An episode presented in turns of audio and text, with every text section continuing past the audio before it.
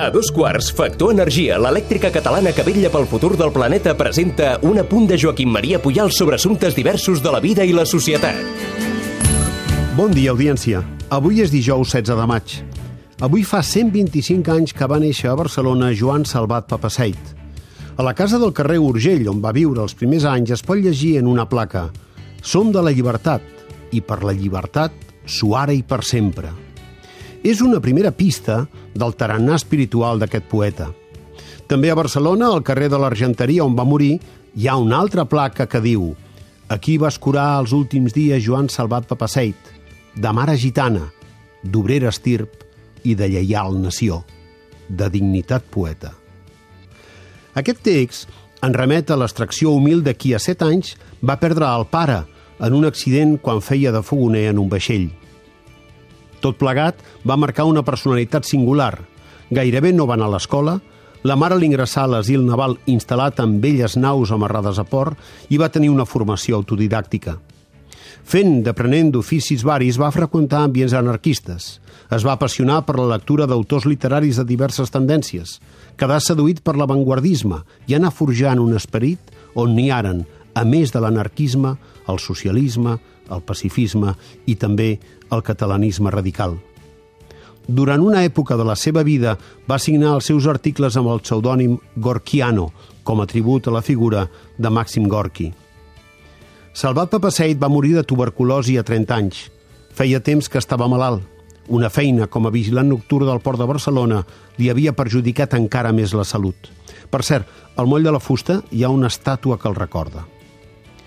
Aquest poeta va ser un dels exponents de la literatura catalana d'avantguarda, però la seva mort, tan prematura, troncà l'evolució estètica d'una poesia que semblava reorientar-se cap al classicisme.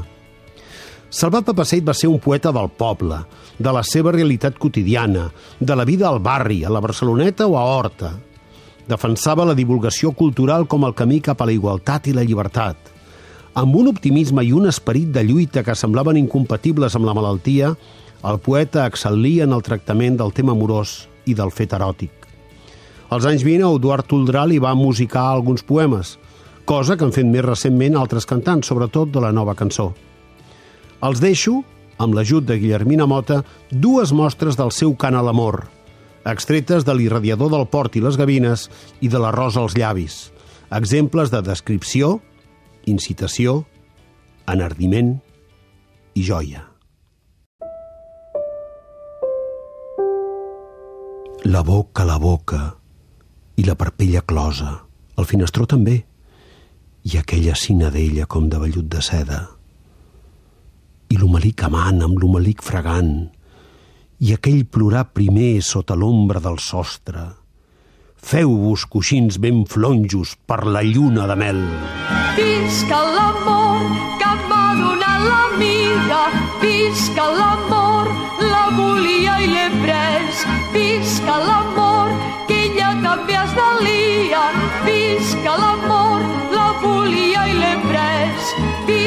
l'amor, visca l'amor, visca l'amor. La mirada d'en Puyal és una exclusiva de Factor Energia. En Manu, el Minimans, Manis pels amics, no, no ha contractat la llum a Factor Energia i no, no s'estalvia en 12,5%. Manu, contracteu tots la llum. A factorenergia.cat i no farem més anuncis. Per fi hi ha una altra llum. Factor Energia.